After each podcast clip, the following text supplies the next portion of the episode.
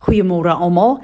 Dit is my so heerlik om terug te wees en uh, elke keer as ek uh, weg is en ek kom terug dan besef ek ek wil op geen ander plek op aarde wees as presies hier waar die Here my geroep het en die voorreg gegee het om saam met julle die woord te bestudeer en saam met julle die pad te stap uh, van die Here.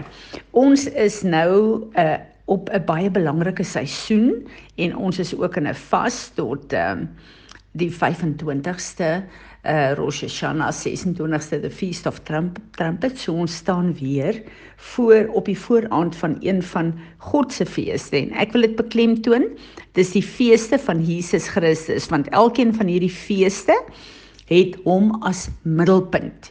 En en baie mense dink dis Joodse feeste dit is nie dis Jesus se feeste.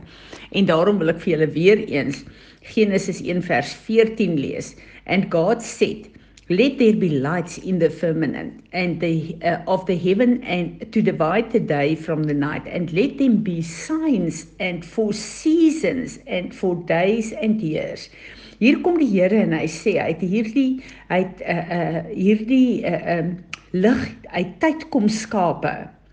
En in hierdie tyd het hy nie net dag en nag en jare gesit nie, maar hy het ook sy feeste gesit in sy seisoene vir sekere goed wat ons op aarde moet doen. Net soos wat die die 'n uh, uh, dae, uh, die dag en die nag, die seisoene en die fisiese aankondig waar daar seisoene van vrugge, sekere goed wat gebeur op verskillende plekke op aarde. So is daar ook geestelike goed en is daar 'n geestelike ehm um, 'n uh, 'n uh, seisoene en feeste wat ons moet vier. Dit wil sê wat ons moet manifesteer soos wat die natuur in die fisiese manifesteer. En dis my baie interessant dat hierdie woord van signs is 'n oath wat uh, beteken 'n uh, 'n uh, 'n signal uh, as a flag, a beacon, a monument, a omen, uh, evidence, a mark, a miracle, a sign and a token. So hierdie is hier uh, letterlik monumente en vla en en baniere wat in die gees staan en wanneer hierdie baniere opgerig word dit wil sê wanneer die feeste kom dan vier ons dit vir 'n spesifieke rede 'n season is mouet wat beteken an appointment. That is a fixed time or a season specifically a festival. A convention a conventionally a year by implication an assemble assembly. As convened for a definite purpose. Technically the congregation by extension the place of meeting also a signal as appointed beforehand appointed sign times place of solemn assembly congregation, a feast, a appointed due season, uh, a set and appointed time. Wat hier staan is dat daar uh uit daar is afsprake wat God met ons het in sy feestydde. Daar spesifieke maniere wat ons met hom nader en wat ons sekere goed doen. As ons kyk na uh Exodus 12 waar God gekom het en waar hy 'n uh, uh Pessach ingestel het, hierdie fees kom instel het by die Israeliete opnuut weer. Van Exodus 12 tot en met die kruisiging van Jesus was daar miljoene lamme lammers geslag ehm um, uh uh om die sonde van die volk weg te neem was daar miljoene dae wat die hoëpriester in the day of atonement ingegaan het in die allerheiligste om verzoening te doen vir die uh, volk se sondes. Wat so awesome is is dat toe Jesus gekruisig word hulle dit gevier tot met die kruisiging. Toe Jesus dit uh volbring het is die lam van God geslag en het hy daai fees van hom in vervulling gebring want al die feeste gaan oor Jesus en al die feeste moet deur hom in vervulling kom en wat so amazing is is dat die Here sê in Levitikus vir ons hierdie feeste word gevier tot in alle ewigheid in al ons generasies. So toe Jesus gekruisig is, het die fees nie gestop nie. Ons fees Ons vier Pessach nog elke jaar. Net soos ons first fruit elke jaar uh, vier want Jesus is ons eerste vrug wat ons kan kom en sê Here Jesus, U het die prys betaal en U het dit vir ons moontlik gemaak om te verander om al hoe meer en meer soos U te lyk. Net soos met met uh, Shavuot wat Pinkster is, die uitstorting van die Heilige Gees is. Ons vier dit nog steeds en daagliks is dit vir ons 'n viering om te weet dat God se Gees in en deur ons werk. veral om ons te reinig en te heilig. Net so uh uh uh the feast of trumpets en daar is soveel plekke en ek wil gou-gou 'n bietjie daaraan raak waar die die die die uh feast of trumpets uh gevier is in die Nuwe Testament en ook in die Nuwe Testamentiese kerk. En een van die goed wat ons nie in die strik moet trap nie is wanneer ons kyk na Galasiërs ehm uh, waar uh, Paulus vir die Galasiërs uh, kom en vir hulle sê dat um, ek wil dit vir julle lees Galatian Christians has initially responded to Paul's message of salvation by grace through faith in Galatians 1 verse 6 however a certain group known as the Judaizers had begun to claim that salvation also required adherence to the law of Moses, Galatians 2 verse 4. Paul has been pointing out how foolish it is for the Galatians to turn from a gospel of faith to a gospel of works. Paul now appoints to some specific works of the law that these Galatians Christians has begun to follow. They started to observe specific days and months and seasons and years. He means that they have started to observe and celebrate all the special days and holidays Israel was commanded to observe, observe under the law of Moses. These days would have included the weekly Sabbath with all its restriction. Uh hierdie wat Paulus opgestaan het, het nie te doen met die feeste van God nie, maar met die godsdiens van hierdie groep wat is uh, al hierdie feeste en Sabbatdae en goed onderhou het as 'n 'n 'n manier om om uh, tot Jesus te nader en dit is dooie werke.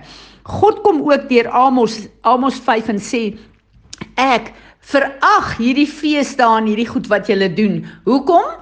Uh, dit is die feesdae wat hulle doen as rituele in die plek van die genade van Jesus Christus. Hosea 9 vers 1 tot 6 sê uh, sê die profeet Hosea dit ook. So reg van die begin af in die Ou Testament en in die Nuwe Testament is daar mense wat die feeste en die feesdae goed as rituele uh uh doen uit hulle eie werk om te dink hulle kan God se genade verdien. Ek en jy vier hierdie feesdae om God en Jesus te celebrate. Daar's net een verlosser en dis Jesus Christus. Dis net deur sy bloed wat ek en jy toegang het tot God en hy en hy alleen. Geen viering van geen feesdag kan ons met God verbind nie. Net Jesus Christus en sy bloed. Maar hierdie feesdae is feesdae wat uh, hy deur sy genade in 'n jaarlikse siklus vir ons oproep om sekere goed te doen om in 'n besige lewe bietjie tot stilstand te kom en veral selfondersoek in te stel. En uh, dis wat vir my so belangrik is ook van hierdie seisoen waar ons nou the feast of trumpets het en dan ook uh gaan na na uh uh Yom Teruah wat uh in die Ou Testament altyd die mees heiligste dag was, uh wat die hoëpriester tot God genader het. Vandag het ons 'n hoëpriester wat sit aan die regterhand van Vader God. Dit wil sê sy werk is afgehandel. Ek en jy kan niks byvoeg by sy volle werk nie. Maar ek en jy is ook priesters van God as ons kyk na die skrif in Petrus, 'n royal priesthood. So ek en jy is ook priesters wat beteken dat ek en jy moet sorg dat hierdie tempel ek as persoon in lyn is met die volheid van dit wat Jesus voorgesterf het. En hierdie is die tyd wat ons kom en sê Here Jesus, ek is in hierdie dimensie van die ewigheid En my hart weet ek nie eers wat daar aangaan nie. Ek het u genade en u bloed nodig. Kom heilig en reinig my, maar wys my in hierdie tyd die goed wat vir u nie aanneemlik is in my lewe en in my gesindheid en in my fokus nie. Want ek kan u vasgryp om my te help om dit te oorwin. As ons kyk na na die uh Nuwe Testamentiese verwysings van die Feast of Trumpets, dan kyk ons heel eers na Levitikus 23 vers 23 tot 25 wat sê hierdie feeste gaan tot in alle ewigheid gevier word. Hierdie feeste is deur Jesus, ons Here Meester en die apostels uh uh uh in die kerk in die Nuwe Testament gevier. Uh verwysings wat jy kan gaan bestudeer, Matteus um uh, 24 vers 30 tot 31, 1 Tessalonisense 4 vers 16 tot 17 en Openbaring 11 vers 15. Uh dit is my so belangrik dat ek en jy besef dat ons is in die feeste se viering wat nog nie in vervulling gekom het nie. Um uh Yom Teruah, the Feast of Trumpets, uh Yom Kippur, uh die allerheiligste dag en dan uh the Feast of of uh Sukkot uh the feast of tabernacles. Hulle het nog nie in vervulling gekom nie. Ons vier dit met 'n afwagting en 'n celebration. Dis letterlik soos 'n rehearsal, 'n 'n kleedrepetisie om te sê Here, ons doen dit profeties en ons sien uit daarna. Ehm um, dis my baie belangrik dat ons kyk na die the days of atonement veral ook wat Paulus gesê het. Jy kan uh uh, uh Handelinge 27 vers 9 lees daar uh waar dit duidelik wys dan dat uh Paulus hierdie feeste ook um gevier het. Uh die fees van van Tabernacles wat vir my so 'n wonderlike verwysing is. Ons kyk na Johannes 7 vers 1 tot 2, Johannes 7 vers 8, Johannes 7 vers 10, Johannes 7 vers 14 waar Jesus Christus en die apostels van die Nuwe Testament hierdie feeste gevier het. 'n baie belangrike een is waar Paulus skryf vir die uh, uh, kerk in Korintiërs 1 Korintiërs 5 vers 7 tot 8 waar hy dan praat veral ook oor ons viering van die Paasfees en die the feast of unleavened uh, bread. Uh, so is vir ons belangrik om te weet dat hierdie feeste is nie Joodse feeste nie. Dis nie Ou Testamentiese feeste nie. Dis gegee vir ons almal tot in alle ewigheid. En wanneer ek en jy kyk na na die die feeste, wat God in Genesis 1 vers 14 ingeskryf het op uh, Golgotha het Jood en nie Jood een geword. So hier gaan dit nie oor die Jode nie, maar hier gaan dit oor die kinders van God. Ehm um, dis baie belangrik dat ek en jy besef dat uh, ons vier hierdie goed as God se heilige dae. Nie die afgodswettiese goed soos wat daai uh, uh, uh, ehm uh, Judeërs in in die boek van Galasiërs. Uh, hulle het 'n vertoon van hierdie feeste in goed gemaak. Al hierdie heilige dae, die sabbate, die uh feeste, het hulle gevier op 'n manier van uh uh ons doen dit uh om te wys dat dit verbind ons tot God. Dis afgodery. Niemand kan ons verbind tot God behalwe Jesus Christus, ons Heer en ons Meester nie. So wanneer ek en jy opgaan, Sondag is dit uh Rosh Hashanah uh tot 'n uh, maandag uh die fees van trompette. Wat vir my belangrik is is dat ons dan veral ook die trompet blaas, die shofar en dit is so belangrik om te weet. Die eerste shofar is deur God self geblaas op Sinaï waar hy 'n huwelikskontrak met die Israeliete gesluit het. Dit was nie net die Israeliete wat daar was nie, Daar is baie van die Egiptenare en ander nasies wat saam uitgetrek het. So ons moenie in 'n struik val om te dink hierdie is goed vir Israel. Dis 'n uh, uh, goed wat daar gestel is net soos Eksodus 12 toe hulle uit Egipte uitgegaan het. Dis vir almal. Dis nie net Jesus het nie net gekom om te sterf vir die Jode nie. Hy het gekom om te sterf vir die hele wêreld. So ek gaan ver oggend 'n bietjie by uh, ons vroue groep praat oor die die uh, shofar, die ehm uh, ramshoring en die belangrikheid daarvan. Nou gaan ons kyk hoeveel keer in die Nuwe Testamentiese kerk is dit geblaas en wat die betekenis daarvan is. En dit voel net vir my daar sekere simboliek wat God vir ons gegee het, soos die verbondstekens, soos die salwingolie, soos die ramshoring wat 'n kragtige uitwerking in die gees het. Vader, ek bid vandag dat U sal kom en dat U die belangrikheid van hierdie afsprake wat U met ons het jaarliks vir ons sal kom leer. Heilige Gees kom breek dit vir ons oop en ek bid dat alle misleiding waar mense dit as Joodse feeste en op 'n Joodse manier wil doen dat u dit sal breek oor ons u Nuwe Testamentiese kerk en dat u u self aan ons sal openbaar in hierdie plek Here. En ons wil kom en ons wil vra. Help ons om in hierdie seisoen te doen wat u van ons vra.